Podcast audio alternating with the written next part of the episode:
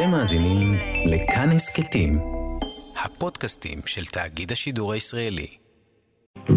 כאן תרבות בשידור חי ממתחם שרונה בתל אביב. ועכשיו, מאיה סלע, יובל אביבי ואלעד ברנועי.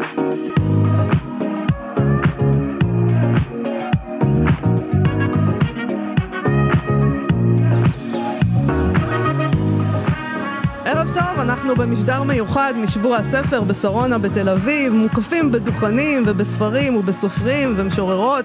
פותחים את השעה השנייה שלנו, וכבר איתנו אה, יושב מולנו מו"ל הוצאת אבא לאור, אבא לאור, לא יודעת איך הוא, למה הוא היה חייב להתחכם עם הדבר הזה? עורך כתב העת, אבא לאבא, הסופר והמשורר. לאבא. ואיש החלל, עודד כרמלי, שפעם אמר לי. תקראי לזה איך שאת רוצה, אבל בסדר. סליחה, אני מתנצל. שלום עודד. כרמלי. יש לך הרבה על מה. להתנצל. למה אתה חייב להיות כזה נודניק? ממש, זה לא משחק. מילים שחשבתי עליו לפני ש- אה, אה, 11 שנה ואמרתי, כרמלי אתה גאון. הבה להבא. Let us together into the future. ומאז כולם אה, אבא לאבא וכולי, וזה לא אתה נגמר. לא מתחרט? אני מתחרט כל כל רגע נתון. רק על זה או על הכל? ותחשוב, צ'יקי נגיד, מעיין. פשוט פשוט וקל, מעיין. כרמלי לא. הבה להבא. צריך להגיד שגם אתה מגיע אלינו ממתחם הסינמטק, אתה לא שייך לאירוע הזה פה. נכון. לא, לא, אני בא מהספרות, משם. או- אוקיי, הוא מהספרות. אני בוא. נדבר רגע על העניין הזה של הספרות. אתה. הוצאת לאחרונה אה, ספר שלך, אף אחד לא בא, לא בדרך, לא יבוא. שם אופטימי, וספר אופטימי. כזה- כזה אני. הוא אה, יצא בהוצאת אבה לאור ואפרסמון, אבל אני רוצה להתחיל לדבר איתך קודם כל על ספר אחר שהוצאתם, האחרון שהוצאתם בהוצאה שלך, פילגשו של ויטקנשטיין, של דויד מרקסון, ששמעתי אותך חולק לו כל כך הרבה סופרלטיבים, אז מה כל כך, מה אתה כל כך מתלהב פה? תראו, חוץ אני מזה עכשיו... שאתה צריך להתפרנס, כן? אני עכשיו, לא, לא, אני לא מתפרנס. אני לא, אל תגידי אל להתפרנס. כן, כן, לא, אל תגזימי. תראי, אה, אני אני קראתי לאחרונה ספר של יהודי רומני בשם מקס בלכר. שמעת על מקס בלכר? יפה. מקס בלכר הוא מת אה, בגיל 30 מדבר שנקרא אה, שחפת עמוד השדרה. אני בכלל לא יודעת שזה קיים הדבר הזה. גם אני עוד לא ומגיל שמעתי 20 על עד זה. 30 הוא היה משותק. עוד משהו לפחד ממנו. ובין לבין... רגע, רגע, רגע, מתי הוא מת? באיזה שלב? ב-36. אז מה יש לך לפחד? זה כבר מחלות זה שלא. קיימות. אלעד, אני בן בסדר. 34. ובין גיל 20 ל-30 הוא בעצם משותק למיטה, והוא כותב אה, רומן וחצי, שכמובן אה, רואה אור אחרי מותו. אה, ואני בא להתלהב עם ג'ושוע כהן, מחבר נתניהו, קראת את מקס בלכר, הוא אומר, תראה, אם אתה רוצה המלצה ליהודי רומני משנות ה-30, יש לי מישהו יותר טוב. אז האיש קרא הכל, ואז הוא בא ואומר לי, הספר הכי טוב שקראתי בימי חיי הוא פילגשו של ויטקנשטיין מאת דיוויד מרקסון. הכי טוב שקראתי בימי חיי, סליחה. הוא מסייג בארצות הברית. ג'ושוע ספרות כהן זוכה. הפוליצר. זה היה מהלך- name dropping מאוד מרשים, מה שעשית. תודה רבה. עודד, דיברנו-. בשידור, בשידור של כאן, דיברנו על מקס בלכר, זיכרונו לברכה, יהודי רומני טוב בשנות ה-30. אז על מה הספר הזה? הספר הזה הוא טריפ LSD עם דאנאקוד, אה, שריק, כן, חוקי. זה ספר ששואל את השאלה הגדולה ביותר, מה אנחנו באמת יודעים על מה שקורה מחוץ לראש שלנו. מה אתה באמת יודע על המציאות הזאת? אה. שאלה קנטיאנית פילוסופית קלאסית. הוא בעקבות ויטקנשטיין מנסה לפרק מה היה קורה אם היינו חיים לפי הפילוסופיה של ויטקנשטיין, והתשובה היא, הכל היה כל כך אטומיסטי, אומרת לך את הקטגוריות המחברות הללו, שהיית משוכנע שאתה האדם האחרון עלי אדמות, וזה מה שקורה לגיבורה, שהיא משוכנעת שכולם יום אחד נעלמו, אה, והיא האדם האחרון עלי אדמות, אבל היא אומרת לך, תשמע, אני קצת משוגעת גם, אז אל- תיקח את המילה שלי ברצינות, כי אני טיפ-טיפה השתגעתי. אה, וכל הספר חי במתח הזה שבין היא אכן האדם האחרון עלי אדמות, איזה ספר כזה, אה, קומק מקארתי כזה, כן, כולם באמת נעלמו, ואין בעלי חיים ואין בני אדם, ורק היא נשארה. לכתוב את, זה אפילו זיכרונותיה, לתולדות העולם, לבין טוב, היא אישה מטורפת, היא מוקפת בני אדם, היא פשוט לא רואה אותם. היא לא מזהה את מה שהיא רואה. ואנחנו צריכים להחליט בעצם, אנחנו הקוראים צריכים להחליט, אתה או שאנחנו כקורא, לא... אתה- אתה מנסה להחליט, או שאתה, לאן אתה זורם איתה? זה, זה, זה לא, אני, אני חושב שזה ממש, זה ממש כל, כל כך על, ה, על הגדר, וזה כל כך לא חשוב. זה, זה כל לא כך- חשוב. זה לא אוקיי. חשוב. זה כל כך מצחיק העניין הוא וחכם. ה- אז זהו, צריך גם להגיד, זה- זה- הוא נורא נורא כיפי, כלומר, לפני שפתחנו את המיקרופון, אז דיברנו, אמרת שזה הזיה. כן, יש את הממד הזה, אבל אני מצאתי את עצמי פותח אותו, ואגב, פתחתי אותו בגלל שהוא נורא נורא יפה, צריך לומר, הוא פשוט באמת נורא נורא יפה, חיצונית, אבל הוא הוא הוא מאוד מאוד כיף, כלומר, הוא מצחיק. והוא כיפי, ואתה יודע, נגיד, אם הייתי שומע את החלק הראשון של השיחה על העניין הפילוסופי, בלה בלה בלה בלה אין סיכוי שהייתי קורא את הספר הזה, פשוט אין סיכוי שהייתי קורא אותו, אבל מהרגע שמתחילים לקרוא אותו, אה, אני לפחות מצאתי את עצמי בצמא לחזור אליו שוב. אז זה באמת, יש פה את אחרי, אחרי דבר של דיוויד פוסטר וואלאס, שטוען אה, שזה הרומן האמריקאי הטוב ביותר ב, ב, בעשור, שבו זה פורסם, שנות ה-80, אה, והוא כותב דברים מאוד חכמים, ובין היתר הוא כותב כמה זה קשה לקריאה. ואני מסכים לך, זה לא קשה לקריאה, זה easy read, ממש לא. זה ממש דייוויד כיפי. פוסטר וואלאס כותב את זה, כן? אני, אני, מי שמדבר. אני חושב, אוקיי, אני חושב שזה אה, קודם כל לא דומה לשום דבר שאני קראתי, בספרות בכלל. זה פותח איזשהו פתח שאתה אומר, לא ידעתי שאפשר לכתוב ככה רומן. אה, ולמה שזה הכי דומה, הדבר שהכי דומה בעיניי, זה אתה חוזר בארבע בבוקר, שיכור מת, נכנס לוויקיפדיה, ומערך וויקיפדיה לערך וויקיפדיה אחר, ולערך וויקיפדיה אחר, ואתה לא זוכר למה התחלת את זה, אבל פתאום אתה מגלה ששליש מ... תצרוכת החצילים בעולם זה מניו ג'רזי, וזה זה מעניין אותך ואתה כותב את זה. ממש תיאור. תגיד, כן. אני- אני- אני חייב לשאול אותך על ה- על ה... אתה יודע, אתה נמצא, זה מצחיק, אתה לא בן אדם כל כך זקן, אבל אתה נמצא בעסק הזה. זה דרך. לפנות לאדם. רגע, תני לי לבנות את זה. אבל אתה נמצא בעסק הזה כבר לא מעט שנים, של להיות מו"ל, של הלהיות עורך. ואני חייב להגיד שבשנים האחרונות נראה שעשית איזה מהלך. אה, ואמרת לעצמך, התפ- התפתחת, אני נשמע קצת... אה, אה, אמר לעצמו, אף אחד לא יבוא, לא בדרך ולא זה. אבל כן. תחשוב, אני חושב. למשל על הספרים האחרונים שהוצאת, זה ספרים, קודם כל ספרים מתורגמים פתאום התחלת להוציא, התחלת, אה, פתחת את ההוצאה לאור ולא רק את כתב העת. זאת אומרת, אמרת לעצמך, מה, אמרת, יש איזה ואקום, אני חייב למלא אותו? אמרתי לעצמי, יש לי מה להוציא. זאת אומרת, בסוף אני לא מוציא מה ש... אוקיי, אני אתחיל אחרת. צריך להיות מס על ספרים. אנשים מוצאים יותר מדי ספרים, זה זיהום אוויר תרבותי. מס על מוציאי ספרים, אתה כן, אומר. בוודאי, בוודאי. אין דבר כזה 20-30 כותרים, מעל 20-30 כותרים בשנה, אתה חייב להצדיק את זה. אני מסת- מסתכל כאן, ועם כל הכבוד, אה, 20% מהכותרים זה חברים ולא נעים לי, 20% מהכותרים זה שילמו לי, ו-20% מהכותרים זה אולי יצליח, נראה, לא עולה לי הרבה כסף, אני מדפיס את זה בזול. העורכים עצמם לא מאמינים בספרים האלה, הם לא קוראים אותם, לא מעניין אותם באמת. אני מוציא רק כשיש מה להוציא. במקרה יצא לי פוקס טוב, הגיע נתניהו, אז נתניהו הפנה אותי למרקסון. אני לא מתכוון עכשיו להתחרות בעם עובד חלילה. אני לא מתכוון. ספר בכנרת זמורה, לא בעם עובד. כשיש ספר שאני, שהוא הוא הכרחי, הכרחי, שהוא לא עכשיו משהו שהוא נחמד, אפשר לקרוא אחר הצהריים. ספר שכל מי שפותח אותו אומר, מה זה החרא הזה? מה אני קורא? האם זה ספר? האם זה ספרות? מה שמגדיר מחדש מהו רומן, את זה אני מוציא.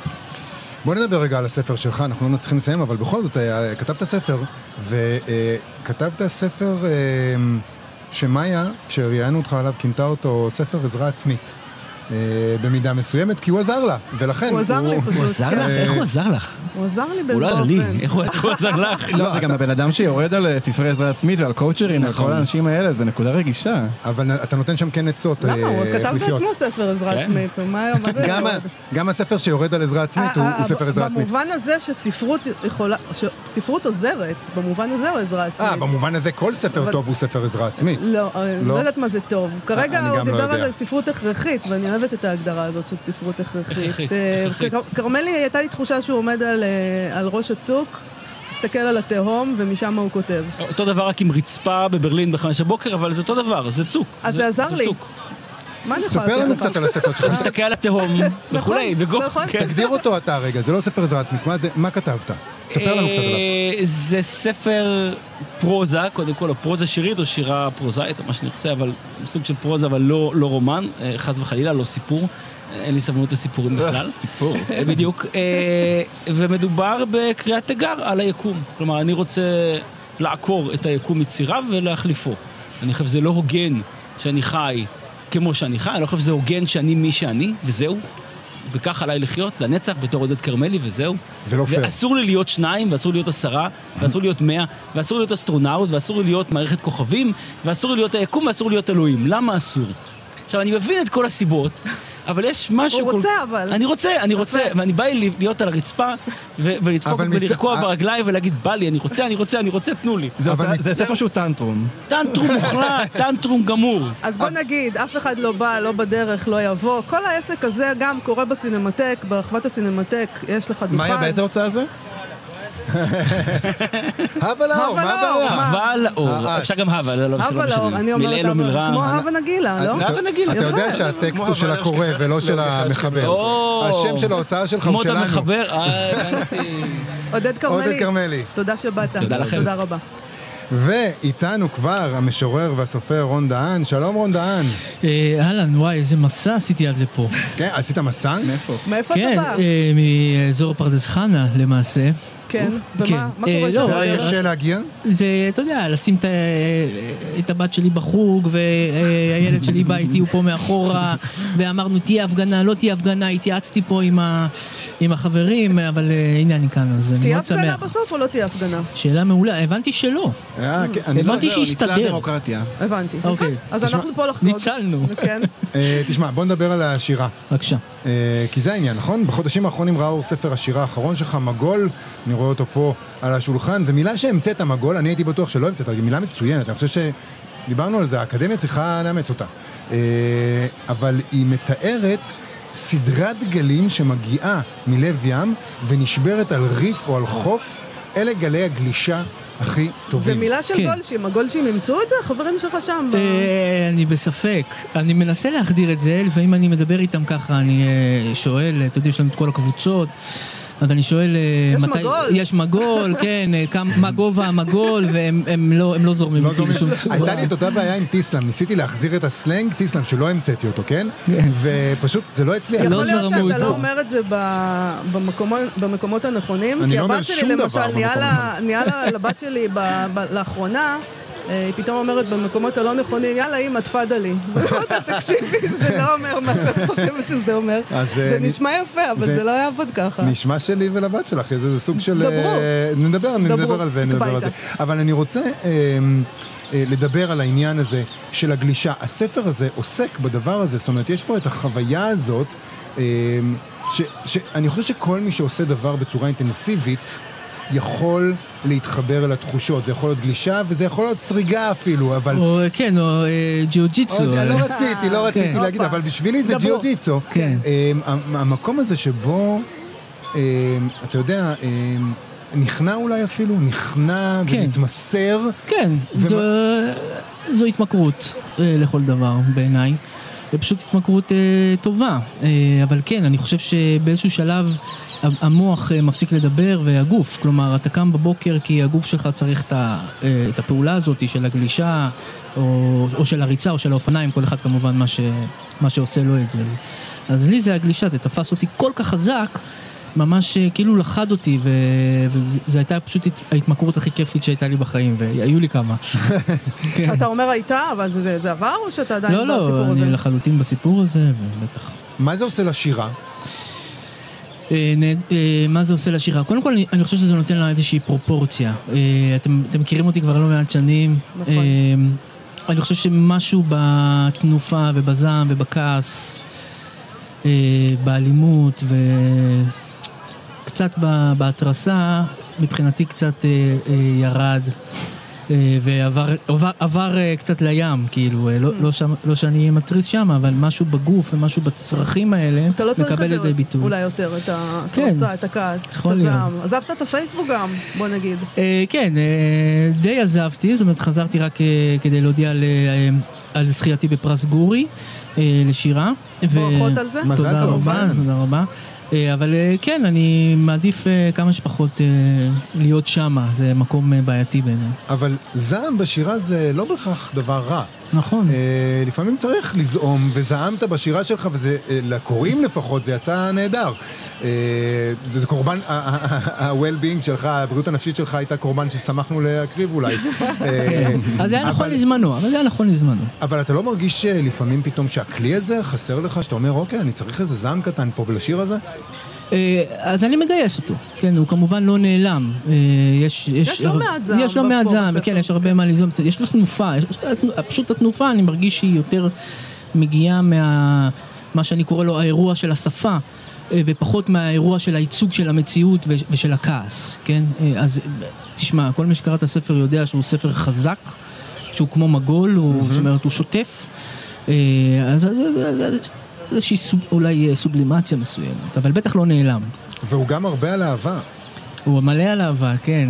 הוא מלא עליו אהבה לילדים, ואהבה אה, לנשים, ואהבה להורים, ואהבה בכלל, כן. אז למי שלא קרא, אהבה. אולי אה, רון, תקרא איזה שיר אחד מתוך הספר. אה, תן לנו דוגמה. לשיר אהבה? לא, תסתכל כל מה שאתה רוצה. תבחר. אפשר גם לזעם. אני אוהבת. זעם כן. גם, רון, אתה יודע. יש גם, יש גם שירי אהבה. שהם מלאים בזעם, ושירי כן. זעם שמלאים באהבה, וזה שווייץ פה, הכל ביחד. רון, אתה יכול לקרוא איזה שיר שאתה רוצה. כן, אם זעם אז זה אבא, כן. נכון, כן. נכון. אה, לשיר אה, קוראים אה, אבי. כן. אבי עשה מעשים נוראיים וטס לארץ אחרת. ניסיתי לעקוב אחר החריקות שהותיר על האספלט החם, מזגזג כפעיל פוליטי. אבל הסתחררתי ונפלתי ונשפך דם. אילו מעשים נוראיים אבי עשה. ראשית, הוא לא היה עימי. לאהבתו לא הייתה אחיזה. שנית, הוא אהב ספרים בלועים ומכורסמים. כף ידו הייתה קלה בכף ידי. הוא העדיף לדפדף על ספסל מאשר להביט ולראות כיצד אני חוצה את הכביש. שלישית, הוא לא אהב ללכת לים. ישנם לילות שבהם אני קורא לאבי והוא משיב לי. בטח, אני כבר קם ומביא לך כוס מים. רביעית? נפלא. סיבה רביעית, אני ממש... אה, אה, אם יש סיבה... אה, למה אה. הספרים הבלויים? מעניין אותי ה... אה, למה אב, אבא שלי הוא, אה, הוא, הוא לא יכול בגלל שהוא אה, עובר כל הזמן דירה, אבל הוא בנשמתו אספן ואגרן. אתה יודע, רהיטים, כיסאות, ספרים, כל מה שהוא לא חדש, קסם לו בצורה בלתי רגילה. וזה מה שהוא אהב, הוא אהב, הוא אהב, הוא עדיין, הוא אוהב פשוט לגעת בחומר הישן ואחר כך לנסות לשפר אותו ולשפץ אותו ולקרוא בו, זה, זה היה הקטע שלו תמיד. אני רוצה לשאול אותך, רון, מעניין אותי החוויה הזאת של uh, משורר שמסתובב פה בשבוע הספר, uh, שהוציא עכשיו ספר שירה. איך זה? יש תגובות? מישהו... אנחנו מבינים שאין הרבה, הרבה קוראי שירה, למרות כן. שאתה הצלחת עם ספר זה וזכית בפרס, אבל יש, יש שם מישהו בחוץ? לא. אני- אסכם את זה. אה, לא, אבל אני חושב שאני כבר כמה שנים מודע לעניין שסצנת השירה חיה, נושמת, בועטת ופועמת, אבל... אה, אבל לא יוצאת החוצה, כלומר מבחינת קוראים אנחנו עדיין מדבר באמת על מעטים ומעטים שנהיים מעטים יותר אפילו. אה, אז אה, כן, ללכת פה בשבוע הספר ב- כ- כאדם שיש לו ספר אה, חדש, ספר שירה, זה... זה לא, זאת אומרת, אין לך כל כך מה להציג פה, אתה לא כן. אומר, אה, כן, אז... אה, אבל אני שמח, אני שמח על זה שהוא פה, ושהוא אה, או פה או ב- אה, בסינמטק, זה- לי זה פחות משנה, יש אותו, מי שירצה להיתקל בו, ייתקל בו וירים הוא אותו. יצא בהוצאת אה, קיבוץ המאוחד, קיבוץ הספר המאוחד. הזה, אז אנחנו נגיד שהוא פה, למי שכן רוצה, הוא כן. כן פה הוא כן בשרונה, פה. אבל אני- אה, אני חייב בדוכן לשאול של אותך, הקיבוץ אתה- המאוחד. אתה היית גם מו"ל פעם, היית כן. עורך ומו"ל, כן. ואתה נמצא פה עכשיו אה, בין שלל המו"לים האלה שמאחורינו, זה לא חסר לך, זה לא מדגדג לך לעמוד מאחורי דוכן, להביא את הספרים, להיות בלב ההמולה? להיות במתח, אה, להפסיד מלא לא. כסף. מה מה הבעיה לא, שלך? מה, מה? למה אתה לא מתגעגע? אה, תראו, אתם נמצאים באזור מאוד מאוד מסוים. מימיני נמצא, נמצאת אה, סצנת הספרות אה, העברית, זו הספרות הרומנטית, אתם יכולים לראות מאות אה, של נשים אה, נכון. צובעות נכון. אה, על, אה, על הדוכנים. לעומת זאת, בדיוק פה מאחוריי אה, מקום לשירה, אני לא רואה אותו עכשיו, אבל אני משער שאין שם... פחות אנשים, אני. חייב להודות. לקוח אחד. כן. אוקיי, אז אה, זאת אומרת, אה, אני מקבל את המציאות, אבל המ- המציאות קצת, צריך לומר רגע, המ- המציאות אה, כן עגומה, ולכ- ולכן אני לא מתגעגע. אה, אני חושב שאם הייתה לי את האפשרות אה, להוציא ספרים, אה, כמו שכרמלי עושה, להוציא ספרים שאני מאמין בהם ולהיות מו"ל ולהיות אה, חלק מהסצנה הזאת, הייתי שמח לפתוח הוצאה, מאוד. אבל המחיר הכלכלי והנפשי אה, של הדבר הזה הוא כרגע, לצערי, לא אפשרי מבחינתי. רון, על ה... מה, איך הגבת לפרס? אתה יודע, אתה... פעם היית מתעצבן כשהיו אומרים לך שוליים, כן. נכון? אתה היית... זה היה מדליק אותך המילה כן, הזאת, כן. אבל... אמ, הכל היה מדליק אבל אותי, כן. עדיין פרס, פרס לשירה על שם חיים גורי, זה- יש בזה משהו באמת נורא נורא מרכזי. הרגשת את החיבוק הזה בחום? כן, מאוד, מאוד, מאוד שמחתי, ובשנים הראשונות כלל לא הגשתי לפרסים, ו, ובשנים האחרונות אני כן מגיש. אה, אני חושב שאפילו אתה יודע את זה באופן אישי, ואתה יודע, אה, אה, יש זמן ויש אה, תור ויש אה, יש תזמון. אה, ואני מאוד שמחתי על, ה... מאוד שמחתי על הפרס הזה ומאוד שמחתי שהוא במקום לשירה בירושלים. אה, שזה חבורה של אנשים שאני מעריך ואוהב אה, בכל ליבי והם מלווים אותי כבר הרבה שנים, אז זה מין כזו שמחה כפולה, ושמחה בשביל מאיה ויינברג, המשוררת שזכתה ביחד איתי בחיים גורי, משוררת נהדרת, ואני חושב שזה ממש הולך ביחד, אני והיא. נכון, אתם אה, מתאימים. מאוד. שני ספרים שיפה יושבים על אותו מדף. רון דהן, הספר נקרא מגול, יצא בהוצאת הקיבוץ המאוחד. תודה רבה שבאת אלינו. תודה רבה. ביי.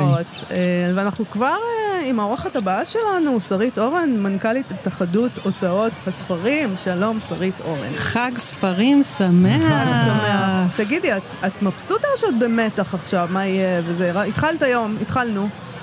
אה, המתח לגבי מה? לגבי ההפגנות? לא יודעת, לגבי הכל. לגבי הכל. את לא מרגישה שחסרות לך פה איזה 60 הוצאות שנמצאות בסינמטק למשל, ולא פה? אה, דבר ראשון, אני מאוד מברכת על, כל פעילות שנעשית. אני חושבת שזה נפלא שאנחנו אה, נמצאים וערוכים ופרוסים בכל, בכל מקום. אתם אה, לא פרוסים בכל מקום, אבל מה- מה- שקורה שם בסינמטק זה לא אתם. זה עוד מוציאים לאור, אז מבחינתי אנחנו אבל הם לא בחברה טובה. בהתאחדות, נכון? הם, יש פה המון הוצאות שהן לא חברות בהתאחדות. אה, רוב ההוצאות שנמצאות פה הן לא חברות בהתאחדות. אבל אני רוצה לשאול אותך, כי הסיבה לזה שהם התחילו עם היריד העצמאי הזה, זה כי אין להם כסף לשכור פה דוכן. זו סיבה פרוזאית כזאת. אה, הם, זה לא משתלם להם, מה זאת אומרת אין להם כסף? זה לא משתלם להם, הם לא מוכרים מספיק כדי שזה ישתלם. לא היה עדיף שתורידו להם, שתעשו להם מחיר, ושכולכם תהיו פה ביחד, ושזה יהיה קרנבל? אנחנו כקוראים היינו רוצים את זה. כן, אני, אני מאוד מבינה אתכם. אני אתחיל ואני אגיד שהיו ניסיונות אה, אה, פנייה וניסיונות לדבר איתם על אה, לבוא ולהוריד את המחיר, אבל הם התעקשו אה, לעשות לבד, זה היה לפני אה, שנתיים, אה, ו... מאותו רגע הבנו שזה לא קשור כל כך למחיר, וזה בסדר גמור מבחינתנו. אה, אולי זה אפילו נכון שאנחנו פרוסים ככה יותר רחב ומצליחים להגיע אולי לאוכלוסייה שלא הייתה, לא מגיעה לפה. בכל זאת, פארק שרונה, לא תמיד כולם, אה, את יודעת, נמצאים בתל אביב, נמצאים בטבעון, הם נמצאים בכל מיני מקומות שאנחנו לא יכולים אה, כן. להגיע אליהם בגלל, בגלל הגודל שלנו. אבל יש תמיד מקום להידברות, אני מזמינה אז זה אותם לא להידברות. סופי, את אומרת. לא, לא, ממש לא. רק, רק מזכירה לכם דבר קטן, כן. כמי שמנהלת את שבוע הספר ומפיקה אותו כבר בארבע שנים האחרונות, כן. זה שהעסק הזה עולה כסף. זה מין קטע כזה הזוי לחלוטין, לא תאמינו. אה, והוא עולה הרבה מאוד. אנחנו לא מקבלים תמיכה ממשרד התרבות, ו... ולכן אנחנו מממנים אותו מכיסנו, ביחד עם אה, למעשה שתי הרשויות המקומיות הראשיות שמאפשרות את זה, שזה ירושלים ו... ותל אביב. שזה עוד דבר, פעם שבוע הספר היה בכל מקום, אני זוכר, אני הייתי ילד ברחובות, והיה שבוע הספר ברחובות, היו דוכנים של, של התאחדות המו"לים, נכון? נכון. פעם היה בכל מקום, וזה כבר הרבה שנים לא ככה, זה לא שזה השנה אה, פתאום נפל עלינו בהפתעה, אבל זה, אבל זה גם דבר שמצער, שאין לנו בחולון ובשדרות וב, ובמטולה אה, דוכנים. הרמת לי לבולה, תודה. בבקשה. אז, אה, אז אני אגיד משהו, אני חושבת שבסופו של דבר זה עניין אה, של חשיבה אסטרטגית. עידוד קריאה הוא לא משהו ששייך אה, למשרד מסוים. אה, הוא לא יכול להיות שייך למשרד התרבות, והוא לא יכול להיות שייך רק למשרד החינוך, הוא חייב להיות פרויקט לאומי, מכיוון שיש לו השלכות לאומיות על ההון האנושי של מדינת ישראל. אה, ספר, בעיניי, יכול להיות שאני, תתקנו אותי, אבל ספר בעיניי זה לא הצגה. בספר אה, יש הרבה יותר, אני לא יודעת אם זה נכון שהוא נמצא אצל משרד התרבות, אבל הוא בטח הרבה יותר מאשר, מאשר הצגה. הוא, הוא, הוא מכוון את, את בני הנוער היום ואת האנשים היותר בוגרים להבנת הנקרא, יצירתיות, דמיון, היכולת להבדיל בין עיקר לבין טפל, אה, היכולת אה, לנסח אה, מאמרים. אני לא צריכה לספר לכם מה האקדמיה חושבת על הנוער שהיא מקבלת היום, היכולת שלה ל, ל, לכתוב עבודות ורפרנטים ודברים נוספים. אז החשיבה האסטרטגית הזאת חייבת להתחיל מהמערכת הממשלתית, והיא לא מתקיימת כבר שנים, וזו הסיבה שאתה רואה את ההידרדרות הזאת, אבל אפשר לעצור אותה. כל מה, שצריך, כל מה שצריך לעשות זה לחשוב על תוכנית לאומית לעידוד קריאה שהיא לא מסתכמת בירידי ספרים, לא שיש לי משהו נגד, כן? תכף כל המו"לים רצים עליי פה. לא, אבל זה לא מספיק, אבל, זה אבל ברור. לא יכול להיות בהצגות, בשבוע הספר העברי שכולו שעות סיפור והצגות. מדובר פה במשהו אחר לחלוטין. זה מתחיל עם שיעורי הספרות שבהם אי אפשר לקחת ספר יצירתי ולהפוך אותו למטאפורה, האם הגיבור היה עגול או לא עגול, אה, ולהשתמש במילים כאלה מפוצצות ולקחת מהספר את הפואנטה שלו. ובטח שאי אפשר להמשיך ולעבוד עם בני נוער על ספרים שאני עבדתי להם. לא יכול להיות שהבן שלי קורא את מה שאני קראתי לפני, אה, וואי, לא יודעת, אולי זה לצערי, 30 קלאסיקה. אבל תראי, זה כמו שתגידי, אי אפשר להמשיך לקרוא את. שייקספיר. דווקא צריך להמשיך אולי לקרוא את שייקספיר. גם אוקיי. את שייקספיר. זה הקטע. האם ניסיתם uh, ליצור קשר עם משרד התרבות, עם השר הזה או השרה הקודמת, לא משנה, ולהגיד כן. בואו נעשה איזה שיתוף פעולה, כן. בואו נעשה משהו, כן, תוכנית לאומית, ומה קרה? אצל השר הקודם זה... זה היה כן כן חשוב, ואצל השר הזה אני דווקא שמעתי דברים אחרים. אה, לא יודעת אם בסוף זה יתממש, גם הוא אמר שזה מאוד חשוב, אבל הוא כן דיבר על עידוד קריאה כמרכיב מאוד חשוב. הוא דיבר על זה שצריך להתחיל את זה מיד אחרי שהתקציב יאושר. רציתי להודיע לך, מיקי, אם אתה שומע אותי עכשיו, התקציב אושר. השר מיקי זוהר, השר מיקי זוהר, התקציב אושר במאי, ככל שאני מבינה. אה, כן. אנחנו עכשיו ביוני. יורד גשם, זאת אומרת, כן. ירד אתמול גשם, כן, אפשר להתחיל אה, קצת לעשות הבהיל את זה. אותנו פה אנשי הספרים. נהרסו ספרים או שזה כל העבר לא, לא? אנחנו התכוננו מראש, אה, מזל אה, שראינו את התחזית והיינו בסדר. אני רוצה רגע לחזור אל היריד. מה נחשב הצלחה? בשבוע הספר. מהי הצלחה? מספר אנשים, מספר עותקים שנמכרו, הכסף שנכנס לכיס של המו"לים, מה נחשב בעינייך הצלחה? שאלה מצוינת, שאלת שקף. אמ, בשבילי, אני, התפקיד שלי זה להביא כמה שיותר קהל לשבוע הספר. אני תמיד אומרת למו"לים דבר כזה, אנחנו יושבים באספה כללית. מאוד גדולה, ואני אומרת ל-48 המו"לים שחברים בהתאחדות, אני אומרת להם, חבר'ה, התפקיד שלי זה להביא את הספרים. הסחורה היא שלכם. אז או שהסחורה טובה ואתם תמכרו, או שלא. ולכן יש בינינו חלוקה הוגנת. אני מביאה את הקהל, ואני מצליחה בשנים האחרונות בכל שנה להעלות את כמות, את אחוז הקהל שמגיע. אה, בשנה הקודמת היה לנו כמעט 150 אלף איש, בשני המקומות בסך הכל, והם, התפקיד שלהם זה למכור ספרים. ממה שאת רואה פה עד עכשיו, נכון, עוד לא נגמר, אבל זה- מרוצה? מה- כן, אנחנו, יש לנו פה? נומרטורים, אנחנו אה. סופרים כל הזמן כניסות ויציאות, אה, ואנחנו כבר עומדים על למעלה מ-3,000 איש שהגיעו בשעתיים אה, האחרונות. ו- 2,500 נערות שבאו לקנות ספרות רומן. כן, לא כולל את ה... לא- אז מבחינתך את אומרת, לא משנה, נגיד הדוכ- מה שקורה בדוכן הספרות ישנה? הרומנטית, את אומרת, לא אכפת לי, העיקר שהם נכנסו בשערים, לא אכפת לי מה הם קראו את הנערות האלה, העיקר שהן באו לתוך היריד שאני אה, אני, יצרתי. התפקיד שלי, שוב, אני לא קמעונאית, אני לא מולית, התפקיד שלי כמנ- כמנכ"לית ההתאחדות, ל- לספק את הקהל הקורא שיבוא לפה, והוא בוחר מה הוא קורא. אם הוא בוחר לקרוא רומנטיקה, אחלה. אה, אם הוא החליט ללכת על פרוזה, סבבה וכולי. אני לא נמצאת שם כדי לקבוע לקהל. זה, זה ליברליות, אפרופו פלורליזם, אה. ליברליות, כל אה, הדברים אנחנו האלה. שקשורים לעולם הספרים בעיניי. אה, ליברלים. אל תשמיצו ליברלים. היי, אני פה. אה, את רוצה אולי להמליץ לנו על ספר לסיום? תראה, אני, אני מסתכלת על א' ב' יהושע. תקשיב, אני בחיים שלי לא הרצתי אף אחד. גם לימדתי את הילדים שלי לא להריץ אף אחד. יום אחד אני פוגשת את, אה, את אה, בולי אה, באיזשהו כנס שהייתי בו, וכמו ילדה קטנה, אני רצה אחר... אני מיד הולכת לקנות ספר שכבר קראתי, המנהרה. וכמו ילדה קטנה אני רצה אחריו, והוא הוא עם ביסקוויט כזה בפה, עם איזה קיאח או איזה קרקר בפה, זה היה לפני שלוש שנים.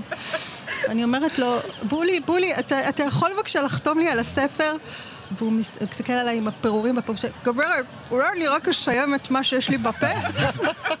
אז אה, כן, המנהרה של אה, א' ב' יהושע. רגע, מה הוא כתב לך? את- אה, זוכרת? מה מעניין אותי. מה זה ספר על דמנציה, די.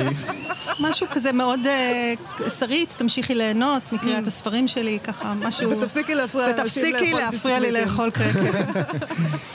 מנכ"לית התאחדות הוצאות הספרים, שרית אורן, תודה רבה לך על השיחה הזאת, ושמה שלא יהיה המדד להצלחה, אני מקווה שתגיעו אליו. חג שמח, חבר'ה. חג תודה שמח. רבה, תודה רבה. טוב, האורחת הבאה שלנו היא האמנית, היוצרת והסופרת תהל רן, שהספר שלה בית עוגות הדבש יצא לאחרונה בהוצאת אה, כנרת זמורה. וזה ספר שבמרכז שלו אישה כותבת, אישה שרוצה לכתוב ספר ילדים, אחרי שנים. אני, אני צריך, זה לא ספר ילדים, צריך להבהיר. ממש מה, לא. איך, איך, עושה איך- תעלולים, עושה מאיפה. הגיעה. הדמות הזאת? למה, למה היא רוצה לכתוב ספר ילדים? כמו שמאיה אמרה, אני תעלולנית. נכון. אני חמקנית.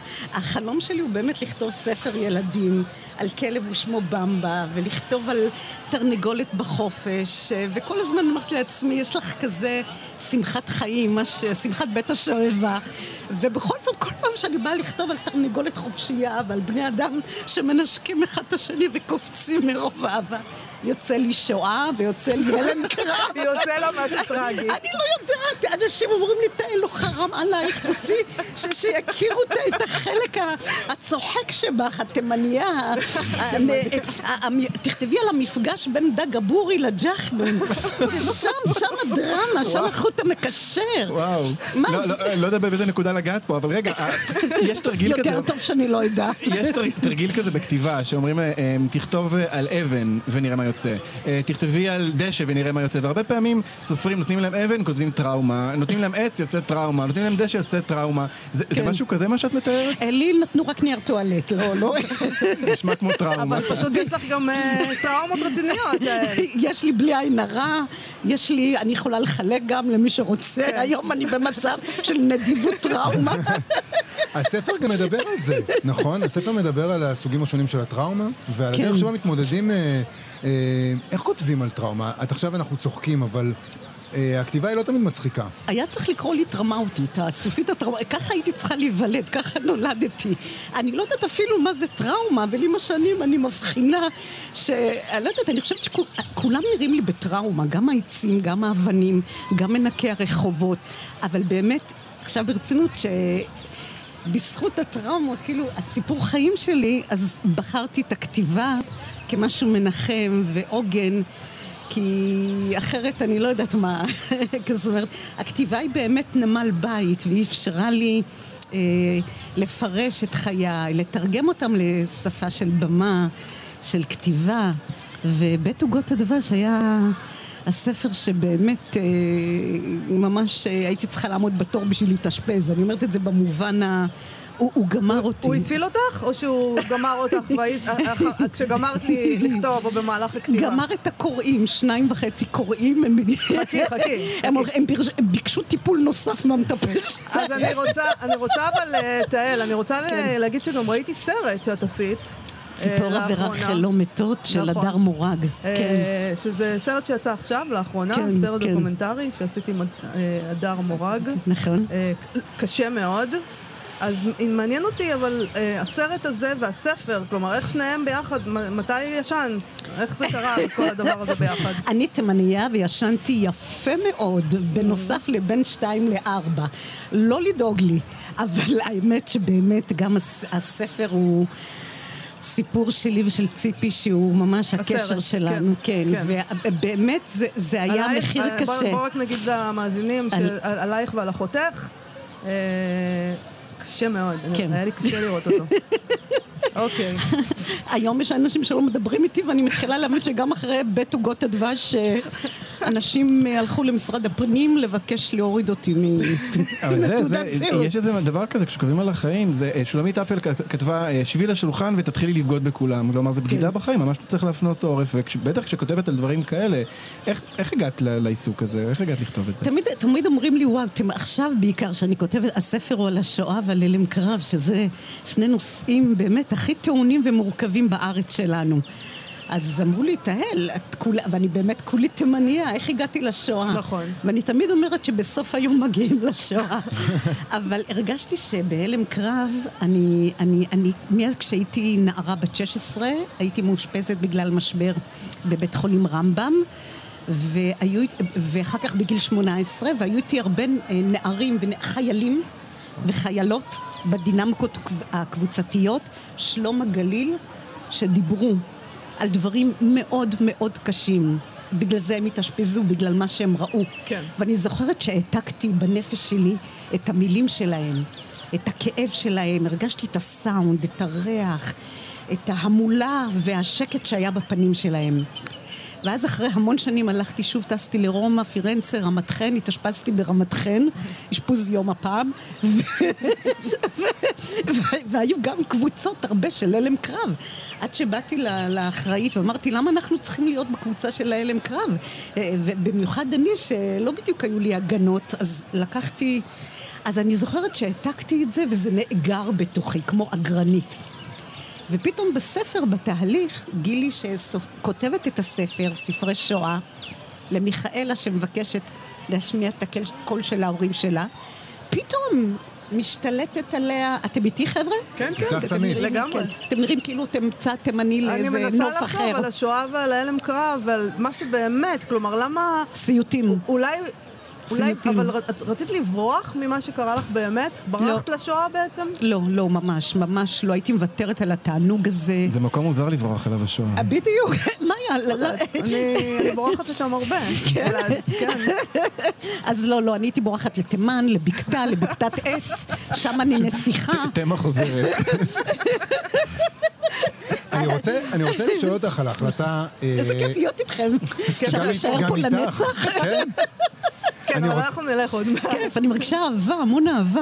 אני רוצה כן. לשאול אותך על הגיבורה שלך, אה, אלעד אמר, היא אישה שכותבת. כן. זה תמיד מעניין אה, אותי, אה, סופרת שבוחרת לכתוב על הדמות שכותבת, על איזה יחסים נוצרים ביניהם, כי אולי יש תחרות, או- ואולי זה ב- בדמותך, ואולי עוד מיליון דברים אחרים. זאת אומרת, ההחלטה שהגיבור או הגיבורה של הספר יהיו בן אדם שכותב, זה תמיד החלטה שמאוד מעניינת. למה, למה בחרת שתהיה כותבת? אני אוהבת נשים, אני אוהבת את וירג'יניה וולף, ואני אוהבת את בילבי, אני אוהבת את סילביה פלאט, א- א- אני אוהבת נשים, אני אוהבת שירת שכותבות? נשים, ונשים שכותבות, זה כמו, לכתוב זה מחול, אני רואה אותן רוקדות, ו, ו, והמיניות בכתיבה, והשירה, והחלון, ועץ הנדנדה, עץ לימון, אישה בשבילי כותבת זה, זה, זה השמלה, זה הכותונת, זה ה... שמלת החג של חנה'לה, אני לא יודעת, זה... אני אוהבת נשים שכותבות אני, אני אוהבת לכתוב אני. את- לא מהקטע, גם- אבל כן. תהל, את גם שחקנית. משתדלת, כן. הומלסית. אה, אז את- את- אז כאילו, זה- שאת לא רוצה לבחור, או שזה הבחירה שלך לעשות גם וגם, או איפה יותר נוח לך? על הבמה או לכתוב בבית? בשום מקום, הלוואי לא שלא? הלוואי שלא הייתי כותבת רק מגדלת חסה ומדברת עם עגבניות ו, ו, ועולה על ספסלים ו, ומנופנפת לא לכולם. נוח לך בשום מקום.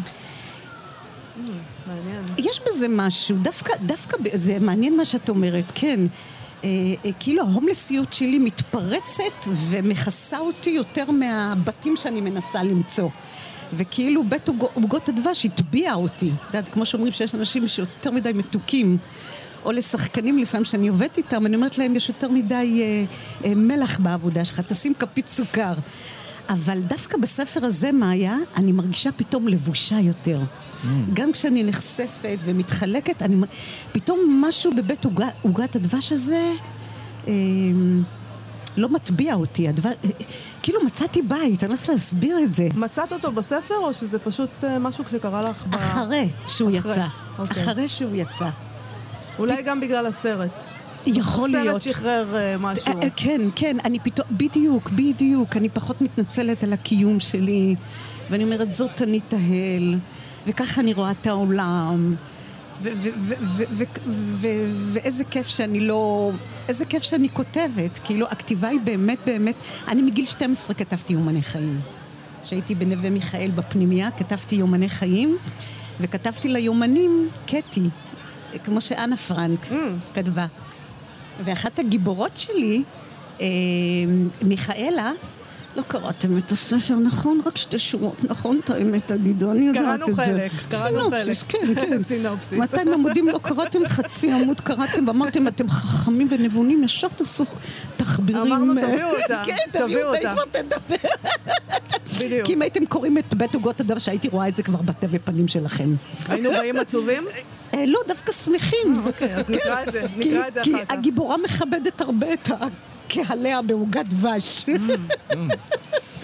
שווה. אבל, אבל באמת שבית עוגות הדבש הזה וציפורה ורחל לא מתות, שבעצם ציפורה ורחל זה, זה הבית ה, שלא היה לנו, הבית הקרוע, ובית עוגות הדבש זה גם בית שכביכול היה שם הכל, אבל לא היה את החיבוק. אבל בכל זאת שמתי לה דמויות שהאימא, העורכת שלי דוקטור רינה ברוך, אמרה לי, תהל, תעשי שהאימא, שהיא מתאשפזת במחלקה פסיכ... פסיכיאטרית, שיהיו לה גם ימים יפים. איך ניצלתי את זה, מה שלא היה לי בילדות, שמתי בה לאימא הזאת. שמדגדגת ומנשקת ומחבקת. תהל רן, בית עוגות הדבש. אה, תודה, איזה כיף היה אלף היום. תודות שבאת אלינו, אני, אני. אגיד שהוא יצא בהוצאת כנרת, אה, והוא נכון. נמצא פה בדוכנים בשרונה. מחר אני אהיה. בערב בתשע, חלק ג'חנון. יפה. תודה רבה. לחתום. תודה רבה שבאת. תודה תודה רבה. איזה כיף, תודה. מה אתם אומרים עד עכשיו? אנחנו עוד מעט מסיימים, אבל... אנחנו אה, מתקרבים, ל- כן, מתקרבים כן, לסיום. כן. אה, די אה, עבר- עבר לי מהר. אני, אני מנסה להיזכר בהמלצות שקיבלנו מהאנשים, נכון? ביקשנו מה, מהסופרים, מהאורחים המלצות. כן. אני לא, זוכר, אני לא זוכר כלום, כי הייתי צריך לרשום את זה על דף, או שאני צריך להאזין עכשיו לשידור ולשמוע אותנו מדברים, אבל יש, לכם, יש לכם איזה המלצה שלכם? משהו שקראתם ונשאר איתכם? מה, אחרי שדיברנו אני אתן על... את ההמלצה שלי, אוקיי? אני פשוט מנסה לגרום לכם ל... יובל, אתה רוצה להתחיל? כן, תודה. אה, אני אשמח קדימה. להמליץ על... הוא- מה, אתם לא מבינים? כמעט רוצה? דרש להתחיל. מה יותר, איזה עוד רמז אתם מה לא צריכים? ברור? כן. אני רוצה בבקשה. להמליץ על ספר אה. שיצא אה, לאחרונה בהוצאת אסיה, על אה, מלכת הנשף האחרונה של אנטארקטיקה, אה, של אושן וונג. אה, בכל הזדמנות שתהיה לי אני אמליץ, זה בכל כל כך במה. מפתיע. למה אתה אה, אוהב אותו? תרגמה אותו לעברית שיר סתיו. אה, אני חושב שהוא אה, הבן אדם שעושה את הדברים הכי מעניינים היום עם מילים, נראה לי. אה, אני חושב שלראשונה כשקראתי אותו הבנתי באמת מה זו מטאפורה. באמת מה זו מטאפורה. יש שם שיר שהוא כותב על אימא שלו, אה, והמטאפורה, נאמר, זה רוטב דגים. אה, ושם, יש שם איזה, איזה... עוברים שם, דיברתם על חוויה משנת חיים, זה זה. אה, ואני חושב ששיר הסתיו, המשוררת שיר הסתיו, יש לה איזה... היא, היא פיצחה שם משהו, היא יודעת, היא יודעת לכתוב אותו בעברית, היא, היא מצליחה, וגם היא הוצאת מתרגמת אסיה, מדהימה. הוצאת אסיה פשוט שים הכל כמו שצריך, יפה נורא, וזה נורא, מסכימה. באמת, אז אה, מלכת הנשף האחרונה נכון. של אנטארקטיקה, אתה- אושן וונג. אתה חושב שמטאפורה זה משהו שאתה יכול להגדיר, או שאתה יכול פשוט להבין מה זה? כי באושן וונג אני לא יכול להגיד לעצמי, אה, המטאפורה הזאת זה הדבר הזה. לא, הוא אמר פשוט- פה דבר אה, מרחיק לכת, שהוא הבין פעם ראשונה מה זה מטאפורה, זה... אבל השאלה היא. השאלה היא אם אתה, אם אתה יכול גם לנסח את הדבר הזה, או, כי עם אושן וונג, אחד הדברים שקרו לי כשקראתי אותו, זה שאני מאוד מאוד כבול לצורך שלי לפרש. כן. ודווקא איתו היה לי מאוד קשה לפרש. אה, למרות אה, שהמתרגמת שירה סתיו לא הסכימה איתי, אמרה, לא, יש כר פורה לפרשנות פה, כן. אבל לי היה את המגבלה הזאת, והרגשתי שהרבה פעמים אני חווה איתו חוויה אחרת.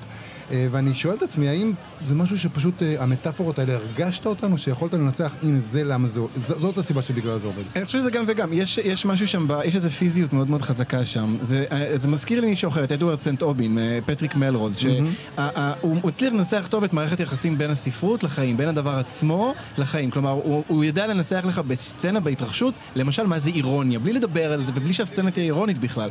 כלומר, יש איזו פעולה ספרותית שקורית תוך כדי שהוא מספר לי משהו אחר לגמרי. אז בזמן שאימא שלו מכינה רוטב דגים, אני, אני, אני לא עסוק ושואל אה, אה, מי, ה, מי, ה, מי, ה, מי האימא, מי הרוטב, מי הדג. רוטב הדגים, אם, אני מתעקש לעשות פרשנות, אתה יודע, זה מדגים מתים, מוות, האימא המתה, אפשר לעשות את כל הדבר הזה, זה גם קורה. אה, אני לא צריך את זה, אני צריך את התסיסה הזאת ואת הריח ואת התחושה הזאת, זה פשוט קורה. אני אוהבת לשמוע את אלעד מדבר על כן, אולי הוא ספרות. צריך לעשות את זה יותר. באמת. אמ, אני אמליץ, אה, אה, אני אקח פשוט את המיקרופון אל ההמלצה שלי. כן, בבקשה, אבל- יובל. וכרגיל אני אוריד, כן? אהה. אני הייתי רוצה להמליץ על הספר האחרון שתורגם של ז'אנה מרי, על ההזדקנות, מרד וכניעה. יאללה, היסטור. אבל לא, זה ספר, זה ספר ש, שבתוכו, יש מרד, מאיה, יש מרד, את אוהבת מרד. מאוד, מרד כן. נכשל, גם כן? כניעה מרד אני. אוהבת. כניעה זה גם יפה. אני חושב... מפואר. תקשיבו, כניעה זה לא נפלא. דבר, זה לא צחוק. אני רוצה. להגיד שז'אנה מרי היה מוכר אה, בישראל אך ורק בגלל, אה, אה, בגלל מעבר לאשמה ולכפרה. שזה ספר מטורף. זה ספר מטורף ונהדר, אבל הוא היה הדבר היחיד שתורגמו, אה, שתורגם שלו לעברית, ועכשיו פתאום בשנתיים האחרונות יש עוד שני ספרים שלו שתורגמו אחד אחרי השני, ועל ההזדקנות זה ספר שאומנם אני לא מרגיש שאני כבר זקן, אבל הרגשתי שהוא נכתב על דברים שאני חווה, מה קורה לגוף, איך העולם פתאום רואה אותך, חוסר הרלוונטיות שלך, השפה שאתה לא מבין, ו- ואמרתי, אוי ואבוי, זה מה שהולך לקרות. והוא אומר, אתה חייב למרוד בזה, אבל תדע שזה לא יצליח. המרד ייכשל. עשית- חשק. מאיה, את, אה, יש לך המלצה או שאנחנו אה, אנחנו, אה, נגיד שלום לאורחת האחרונה שלנו? אנחנו נגיד שלום, נראה לי שהמלצתי כבר די הרבה. ייבשנו אותה פה כן, מספיק בוא זמן. נגיד שלום. אז נגיד שלום, אחרונה חביבה, שמרית לוסטיק פרסמה את ספר הביקורים שלה, בית לוריה, שיצא בהוצאת לוקוס. שלום שמרית. אהלן, שלום. אז זה שבוע הספר הראשון שלך בתור סופרת. לגמרי. איך ההרגשה? כיף, מרגש. אני באלטרנטיבי, עצמאי. היא בסינמה. עצמאי, אלטרנטיבי, אה, למה? מה רע במילה פאנקי. אלטרנטיבי? אני לא יודע, הם לא התנגדו יודעת, לזה. אני לא מצליחה, אני גם לא יודעת. לא, למה? דווקא יש איזה... אני ממש מבין את הם אמרו. אנחנו לא זה לא האלטרנטיבה, משהו אנחנו. הדבר עצמו. הם עצמאים. הם עצמאים גם, זה לא לעומתי. זה פשוט עצמאי. למה זה לא לעומתי? אני אוהבת שזה לעומתי. אני דווקא כן מרגישה שזה? לעומתי, את בקטע כן טוב. מרגישה? נכון. בקטע טוב. פאנקי. כאילו. מה זה אומר שזה לעומתי בקטע טוב בשבילך? שזה קצת פחות אולי מסחרי, שזה... זה מה שזה. מחר, כאילו, אני לא אומרת שאני לא אמצא את עצמי אולי עוד כמה שנים גם פה, אבל אה, כרגע באלטרנטיבי יש איזו תחושה כזאת מחתרתית יותר, אבל בקטע טוב. כן. לא כן, לא זה- ליצור קשרים זה בינתיים. האנשים אבל- האלה שלא עושים כסף מספרות, זה נקרא אלטרנטיבי. למה, פה הם עושים כסף בספרות? תראי את האירוטים פה הדוכן מולנו. כן, שמרית, הוא. את, את, אה, את, איך איך עולם הספרות בעינייך? בעצם הצטרפת עכשיו לעולם הזה, זה עולם אה, למוד קרבות, לא קל, לא פשוט, איך, איך, איך החוויה? אז באופן האישי אני, אני, אני כאילו הרבה יותר נוח לי בעולם, ה... במעשה הכתיבה. אני אגיד ככה. נאמר שאת שחקנית, נכון? אולי נכון, צריך להגיד ב- נכון, אה, ביחס אבל אה, אני אגיד. את זה בצורה שלא תעליב אף אחד, הכל עלוב. הכל נורא עלוב.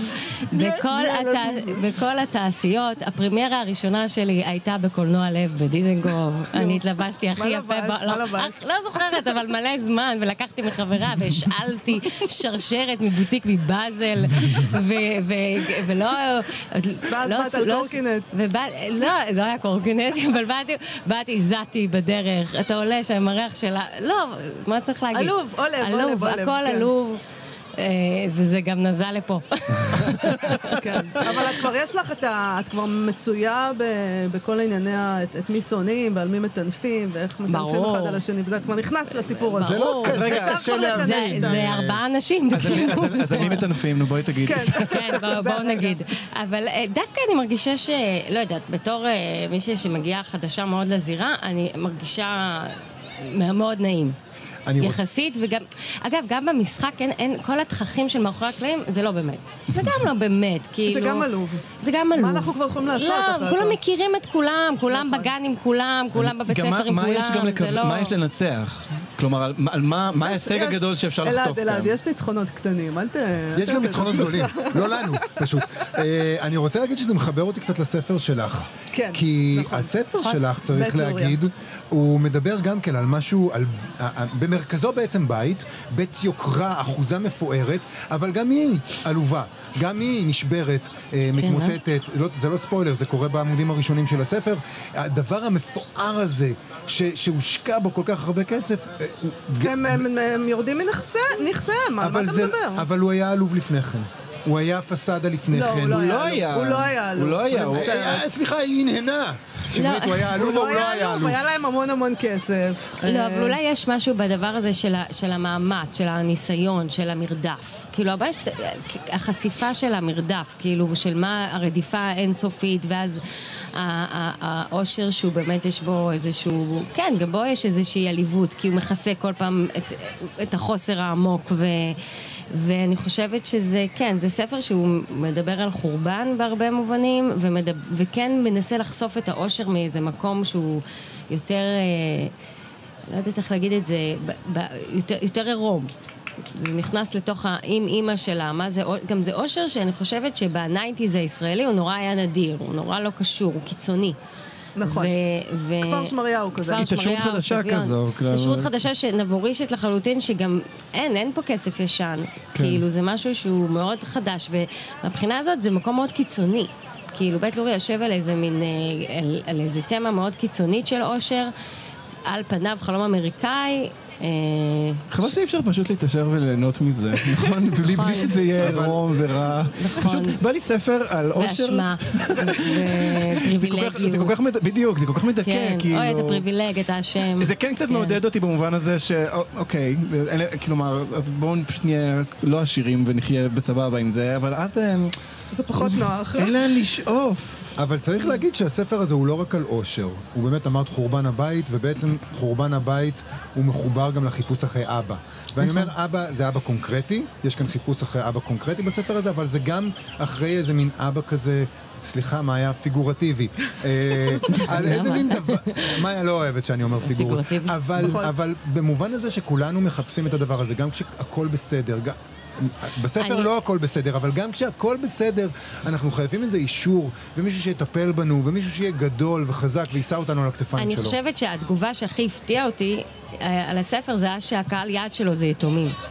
כאילו, ואגב יש מלא, אז, אה, אז בגלל זה הוא הולך לא רע. מאוד, אה. מתחבר להגדרה. אני גם מחפשת מאוד אבא, מתחבר אם יש להגדרה איזה אבא הזאת. שמחפש ילדה. וזה... אני היוצא דופן. אני לחלוטין חשבתי שזה מכוון אליי בדיוק בדיוק מהסיבה הזאת. כן. בדיוק. אז אני חושבת שזה בספר, בסופו של דבר זה ספר שמחפש נורא לפגוש הורים, מהבחינה הזאת יש שם את שני ההורים אפילו, אה, מתים או חיים, כאילו זה חיפוש אחרי המפגש, ה, ה, ה, ה, שגם הוא אגב לא יצליח אף פעם, וגם לכן יש בסוף, שלא נעשה ספוילר לזה, אבל יש איזושהי אמירה על, אה, על הניסיון הכושל שלי לצייר את דמותו של אבא שלי לצורך כן. העניין, כאילו זה אני לא חשבתי באמת עובד. שמה שאת עשית בסוף, הוא אני לא- אני לא יכולה לספר כי זה ספוילר, אבל זה תרגיל מאוד מעניין. זה בתרגיל במובן ה... זה טכניקה מאוד מעניינת, מה שאת עושה שם, וזה טכניקה של הרחקת עדות. את אומרת, הנה אבא שלי, אבל תראו, הספר הוא לא עליו. נכון, כי בעצם, כי אם הייתי יכולה לכתוב אותו, הייתי כותבת אותו. למה לא לא- יכולת? למה לא יכולת? לא, ניס- יצא- ניסיתי, ניסיתי, היה, ניסיתי, ו... וזה בדיוק האובדן, זה האובדן, וואו. הוא איננו, הוא לא פה, אין ניואנסים, אני לא יודעת, זה רק מתרחק, זה רק נהיה מיתוס, זה רק נהיה, עוד- ככל שאני כאילו, ועשיתי תחקיר, והלכתי וחיפשתי, וככל שאני חיפשתי איך שהוא התרחק, כי היה- אין יום יום, אין, אה, אין ריח, אין. וואו. אז, אז, אז... אבל אני- אולי גם פחד- פחדת לשרוד שם משהו במיתוס הזה של אבא שלך, האמיתי. האמת היא ש... יכול להיות, אני ניסיתי, אני חושבת, מאוד לשבור אותו, יחסית, שברת כאילו... קצת, בס- את האבא בספר, בוא נגיד, את אה, שברת אותו. כן, כן, עכשיו מה זה שברתי? רציתי למצוא, הוא, הוא, בסיפור שלי האישי, באמת הוא היה משהו נורא מיתי עם המוות שלו. כמעט נורא צעיר, והוא היה מאוד מוצלח, ו, ועדיין, הסיפ, תמיד שידברו עליו יש איזה, איזה מיתולוגיה שאני לא יכולתי לשאת אותה, כי זה לא אבא שלי. כאילו, כן. אני רציתי את, ה- את הדבר, גם אתה מתבגר, אני כבר בגילו. אני, אני יודעת את הדבר, אוקיי, אז איפה הוא? אז, אז זה לא עניין של לשבור אותו כמו להעניש אותו, לקרב אותו, לפגוש. אני הרגשתי כאילו את בנית איזושהי איקונה אה, מיתית נורא נורא גדולה ונורא נורא זה, ואותה שברת. כלומר, את ה... את ה אי אפשר, את, את אומרת, אי אפשר לכתוב את ההורים שאני מסכים לגמרי, אי אפשר לכתוב אותם, זה בלתי אפשרי, אבל צריך, צריך לייצר איזה דמות אחרת, איזה, איזה, איזה גו- גוף רפאים כזה, אה, שהוא יהיה בדיוק זה, הוא יהיה מיתי, הוא יהיה איקוני, והוא גם יהיה כל הדבר הזה שיסכים לדמות הזאת של אבא, נכון? הוא, אבא זה כל כך הרבה דברים, זה הכל. כן. לקחת אותו ולנפץ אותו. אני גם חושבת שהכתיבה, כאילו, הדבר- נורא עניין אותי השילוב הזה בין הממואר ל- ל fiction. ובסופו של דבר ה fiction נותן הרבה יותר חופש ואפשרות כאילו למפגש הזה הפוך על הפוך, כאילו באופן פרדוקסלי, באיזושהי צורה. אני רוצה לשאול אותך לסיום, את כותבת ספר חדש? וואו, אני מנסה, כן. אוקיי, אז- מה? אני שמתי? דדליין של חמש שנים. איזה לא, טוב יפה, זה. חמש שנים. אמרתי חמש שנים. כי את בן אדם דד- רציני. דדליין נכון. חמש זה שנים, זה פחות מלחיץ אותי. שכרתי סטודיו, מה שלא עשיתי עד עכשיו בכלל. מרוב אשמה יפה. ופריבילגיה, רגע, וזה ואת אמרתי די. הולכת כל יום, יושבת, ואני הולכת, את עצמך. ואני יושבת, וזה נורא, וכל הקלישאות של הספר השני, ממש, אני כמו איזה... אבל כן, ונראה, בואו נשב פה ונדבר על הכישלון, על הבינוניות שלו. עוד חמש שנים, 2028. יאללה, אמן. יש לך... מחכה בית לוריה ס- אה, ספר נהדר, אני רוצה להגיד, לא- לא נכון. אני חושב שלא אמרנו את זה, באמת נכון. ספר נהדר, לא רק ליתומים, אבל בעיקר. בעיקר, בעיקר ליתומים, אין מה לומר. באמת ספר נהדר, גם, גם על כסף, גם על משפחה, גם על ריקבון, ספר יפה מאוד. תודה. אה, אנחנו נגיד גם שאפשר למצוא אותו, מי שיחפש, ב- בסינמטק, במתחם הסינמטק, כן, הוא לא יצא. בהוצאת לא לוקוס. נכון, שמרית לוסטיג. אצל לוקוס. תודה רבה. תודה רבה שהיית איתנו. תודה תודה. שבאת, תודה רבה. סיכום, אה, חברים, משהו? אחד זהו, אנחנו? הגענו לסוף השעה. הגענו אנחנו- לסוף השעה שלנו, כן. השעתיים המיוחדות שלנו משבוע הספר בשרונה אה, בתל אביב הסתיימו, עוד מעט יש פה שעה שלישית. יש שעה אל שלישית. ממש ממש. אה, יגישו את השעה השלישית ענת שרון בלייס ורונה גרשון תלמי. מה חשבתם אבל על ה... על ה... השעה השנייה הייתה שונה מהשעה הראשונה. מאוד. נכון? כאילו השעה הראשונה הייתה, היא הייתה, אתם יודעים מה הייתה? הייתה רחובות. הייתה מיקרוקוסמוס של כל המדינה. היה הכל, היה ספרות, כן, אני רואה את- הראשים שלכם מתפוצצים. רחוב. אמרתי לכם מטאפורות. היה לנו הכל, היה אוקיי. לנו את, אה, את, ה- את הספרות החוקרת, שואלת, שרק אומנים וזה. היה לנו את הספרות הרומנטית, היה לנו הכל. והשעה הזו, אני מרגיש, כן. היה בה משהו הרבה יותר ספציפי. אה, היה לנו כאן משהו, אה, כאילו אה, נכנסנו ודיברנו ממש ל... אני רואה אתכם מסתכלים על הליינאפ. כן, ברור, אני רוצה להיזכר במה מה, על דיברנו. מה דיברנו? מה היה פה? אה, פתאום הצלחנו, אני מרגיש שהצלחנו לגעת ממש בדמויות ספציפיות. אולי אני מושפע עכשיו מבית לוריה, אבל אני מרגיש. נורא נורא בתוך הבית הזה. רון דהן, תהל רן. כן, כן, זה היה חוויות. מאוד מאוד אישיות. היינו. בגלים, היינו שם בתימן ה- עם הבורי. אני רוצה רגע לחזור אה, לשיחה עם מנכ"לית התאחדות הוצאות הספרים, שרית אורן, אתה ולנקודה... תמיד כל כך מעשי. מעשי. לא, כן. סליחה רגע, אה, זה להיות מעשי, אבל מתוך אה, נשגבות אופטימית, או אופטימיות נשגבת, אוקיי. לאפשרות שזה לא הסוף. ושההוצאות הקטנות אולי יחזרו, ואולי ימצאו איזה פשרה, ויחזרו לכאן, ושזה יהיה ביחד, וזה יהיה נפלא. ואולי, אולי זה סמל אה, לאומי, שנמצא פשרה וכולנו נחיה ביחד. וואו, בדיוק, אלוהים, ויבוא אלוהים, שלום. איך הגענו לסוף. השעה והמילה שאנחנו לא. אומרים זה פשרה, שאלוהים יעזור לי. זה פשוט לא יאמן, יובל אביבי. אה, תשמע, אה, תקח איתך את יובל אביבי, אתה תגיע לפשרה בסוף. אה, טוב, יש לנו פה צוותים גדולים, בוא נודה על להם. הצוות לא התפשרנו. לא לא, התפשרנו על וגם על הצוות. עצמנו לא התפשרנו. לעולם לא נתפשר על הצוות. אז תודה רבה לאיתי סופרין ועמיתי פוקמן על העריכה, לאלנה גולדנברג, לי צדוק, ויביאנה דייטש, עירה וקסלר על ההפקה.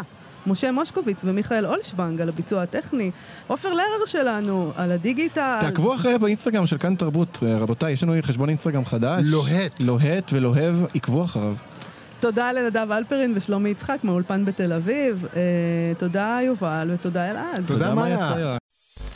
אתם מאזינים לכאן הסכתים, הפודקאסטים של תאגיד השידור הישראלי.